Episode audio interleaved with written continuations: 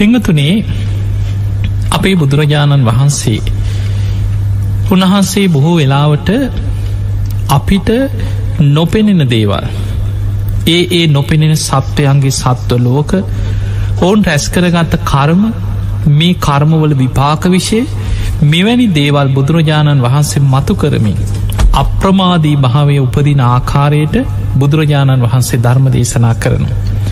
ඔය අතර දවසක් බුදුරජාණන් වහන්සේ අතීත සිදුවීමක් සුචිලෝම කියන මේ අක්ෂයාගේ අතීත සිදුවීම් කතාවක් බුදුරජාණන් වහන්සේ භික්‍ෂූන් වහන්සේලට දේශනා කර.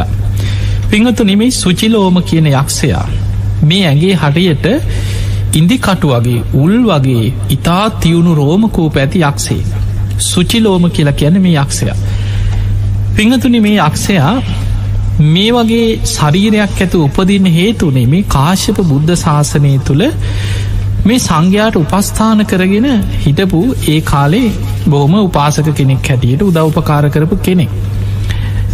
එහෙම හිතවත්කම ඇති වෙනකොට සමහර වෙලාවට නිතර ස්වාමීන් වහන්සේ ඇසුරු කරනවා විහාරයට යනනවා ස්වාමීන් වහන්සේ ඇසුරේ ඉන්නකොට සමහරුන්ට මේ සාංගික දේවල් ගැන බය නැති වෙලා යනු. ස්වාමීන් වහන්සේලගේ දේවල් පවා ඕක මොකද ඉතින් අපි දන්නවා නිති මේ ආමුදුරුන්ගෙන් ප්‍රශ්නයන්නේ අර මේ කියලා අර සාංගික දේවල් තමන්ගේ හිතුමනාපි පරිහරණය කරන්න සමහරු පටන්ගන්න. ඒ වගේ කාශ්‍යප බුද්ධ ශාසනයේ සාමීන් වහන්සේලාගේ ඇගේ ගාන්න තිබ තෙල් බෝතලයක්. දවසක් මේ උපාසක මේක අහන්නේ නැතු අවසර ගන්න නැතු සංඝයාගේ අවසරින් ගත්තර ප්‍රශ්නයක් නෑ ස්වාමීන් වහන්සේ අවසර දීලා තියෙනවන ඒක කැපයි. හැබැයි සංඝයාගෙන් අවසර නොගෙන තමන් හිතු මනාපේ. තමන්ට ඕන විදිහට සාංගික දෙයක් ගත්තොත් එක් හොරහිතකින් ගත්තොත් එක හොරකම ඊළඟට අවසර නොගෙන ගත්තු ඒකත් අකුසලයක්. එදකොට මේ කෙනාමකද කරේ භික්‍ෂූන් වහන්සේලාගෙන් කිසිම අහන්නේ බලන්නේ නැතුව. එහි මහන්නේ මොකටද මමනි මේ පන්සලේ කෙනා කියලා අන්න ඒ වගේ අර තෙල් බෝතලේ අරගෙන මේක ඇගේ ගාන්න තෙල් බෝතලයක් ගත් දැම් බලන්න කෙනෙක් හිතන්න නැති දෙයක්. මේ විදිහට මේ කරපු කර්මයක විපාක යක්ෂයෙක් හැටියට ඉපදුනා මුළු ඇඟ පුරාම ඉතා තියුණු උල් වගේ කටු වගේ රෝමකූප පිහිටපු ශරීරය. එදකොට මේ ශරීරයේ නිසාම ඔහු විශාල පීඩාවක් වේදනාවක් විදිනොම මේ යක්ෂය. ඔහු නිදාගත්තට කවදාවත් ඔහුගේ ඇඟ පොළොවෙ ගෑවෙන්නෑ කියෙන්. ඒක ඔබ හිතන්න සාමාන්‍යින් ඔය දූරියක් ගෙඩි තියෙන් එතකොට දූරියන් ගෙඩියක වල තියෙන වටේ උල්ලුල්ල තියෙන කටු. එතකොට ඒ ගෙඩියක් තිබ්බහම කටු ටික තමයි පොළොව හිටින්. ඒ වගේ අර යක්ෂයාගේ ඇගේ තියෙන ඉතා තියවුණු උල් වගේ කටු තියෙනවා මුළු ඇඟ පුරාම. ඔහු නිදාගන්න ගියත් පොළොවට වදින්නේ අර කටු ටික කියන. ඒ වගේ පුද්දුම විදිහේ දුක්හිත ශරීරයක් ඇතුව අකුසල විපාකයක් ගෙව්වා. පොඩි කාලයක් නෙමේ බුද්ධාංකුරයක්ම යක්ෂේ කැටියට ඉපදිලා එවැනි ශරීරයක් ඇතුව තමයි ඔහු හිටිය. බුද්ධාංකුරයක් ගැන මේ කාශප බුද්ධ ශාසනය කරපු අකුසලයක් මත තමයි ඔහු මරණින් මත්ත යක්ෂයෙක් වෙලා ඉපදුනේ. ගෞතම බුදුරජාණන් වහන්සේ පහළ වෙනකං ඔහු ඒ යක්ෂ ආත්මෙම ඉතා තියුණු උල් වගේ කටු ඇති ශරීරයක් ඇතුව යක්ෂයෙක් විදිහට හෝ ජීවත්වෙනු. දවසක් බුදුරජාණන් වහන්සේ උන්වහන්සේ බුදු වෙලා වැඩඉන්න කාලේ අපේ බුදුරජාණන් වහන්සේ ටිකක් විවේකෙන් වැඩඉන්න වනාන්තරයට වැඩම කරලා උන්වහන්සේ විවේකෙන් භාවනානුයෝගය වැඩඉන්නකොට මේ අක්ෂයා ඒ හරියෙන් යනවා. එදකොට ඔහුගේ ඔහු ඉන්න හරියට තමයි බුදුරජාණන් වහන්සේ වැඩම කරලා තිබුණේ. ඔහු කල්පොඩ් අඳුනගත්තා මේ ශ්‍රමණයෙක් මේ මොකද මේ බයක් නැතුව මගේ මේ විමානය පිහිටි මේ කැලේටාව මේ ශ්‍රමණය කවුද කියලා. මේ අක්ෂයා ඇවිල්ලා බුදුරජාණන් වහන්සේ භාවනා කරනකොට පැත්තකින් වාඩි වෙලා බුදුහාන්දුරන් ඇඟට හේතුවක් දැම් දැම් බලන්නම යක්ෂයන්ගේ ස්භාවේ මේ බුදු කෙනෙක්. හැබැයි කිසිම බයක් තැති ගැනීමක් නැතුව මේ අක්ෂයක් බුදුරජාණන් වහන්සේ ඇඟට හේත්තු වුණා. හැබැයි මේ අක්ෂයා ගැගේ තියෙන උල් වගේ තියුණු කටු බුදුරජාණන් වහන්සේ ඒ මොහොතේ නැකිටලා ඊට ටිකක් එහාට ගිහිල්ලා උන්වහන්සේ වැඩ හිටිය. එතකොට මේ යක්ෂය යහනවා මොකද නැගිට ලගේ මට බයේ නේද කිය ලැහු. එදකොට බුදුරජාණන් වහන්සේ මේ යක්ෂයට කියනවා යක්ෂය මේ ලෝකයේ දෙවියන් බමුන් මරුන් සහිත ලෝකේ ශ්‍රමණක් බ්‍රාහ්මණයන් සහිත ලෝකේ තතාගත බුදුරජාණන් වහන්සේ නමක්ව බිය තැති ගැනීම් ඇතිකරවන්න පුළුවන් කෙනෙක් දෙවියන් අතරවත්නෑ බ්‍රහ්මයන් අතරවත්නෑ මනුස්සයන් අතරත්නෑ මේ ලෝකයේ තතාගතයන් වහන්සේ කියන්න බිය තැති ගැනීම් දුරු කරපු කෙනෙ. නමුත් ඔබේ ඉස්පර්සය බොහොම ගොරෝසු යොබේ ඉතා තියුණු උල් වගේ කටු වගේ රෝමකූප ඇති ශරීරයක් ඔබට තියෙන්නේ. ඒ නිසයිකිව තතාගතයන් වහන්සේ ටිකක් එහාට ගිහිල්ලා වාඩි වුණේ. එතකොට මේ යක්ෂය අහනවා ශ්‍රමණය දැම්මං ඔබෙන් ප්‍රශ්නහනවා. ඔබ මට මේවට උත්තර දුන්න නැත්නම් දැම් බලන් මේ යක්කු හිතාගෙනන්න හැටි. ඔවුන් හිතාගෙන ඉන්නේ ඔවුන් තමයි ඔවුන්ට ඕන දෙයක් කරන්න පුළුවන් කියලා. මේ අක්ෂයක් කියනවා මම කකුල් දෙකින් උත්සල පරසක් කොළ ගහනවා කිය මේ පුළුවන් දේවල් නෙමෙයි බුදු කෙනෙකුට මේ අක්සේකුට පුළුවන්ද? බුදු කෙනෙකුට එහෙම අතක් තියන්න. හැබැයි යොහු කියනවා මට පුළුවන් කීවා හදවත පලලදාන්න මට පුළුවන්කුව කකුල් දෙකින් අල්ලල පරසක් කොළ ගහන් එදකොට මේ වගේ කියද්දි බුදුරජාණන් වහන්සේ වදාලා මේ යක්ෂය ඔබ ඔය හිතන දේවල් ඔබ කියන දේවල් එකක්කත් කරන්න පුළුවන් දේවල් නෙමේ හැබැයි ඔබේ ප්‍රශ්නටි කහන්න කිව ඔහුට තියෙන ප්‍රශ්න අහද්දි බුදුරජාණන් වහන්සේවා විස්තර කරමින් ඔහුට දහම් දෙසවා. පෙර පින් ඇති කෙනෙ ඔහු තුරුරුවන් ගැන පැහැතුනා බුදුරජාණන් වහන්සේ ගැන පැහැදීමක් ඇති කරගත්තා.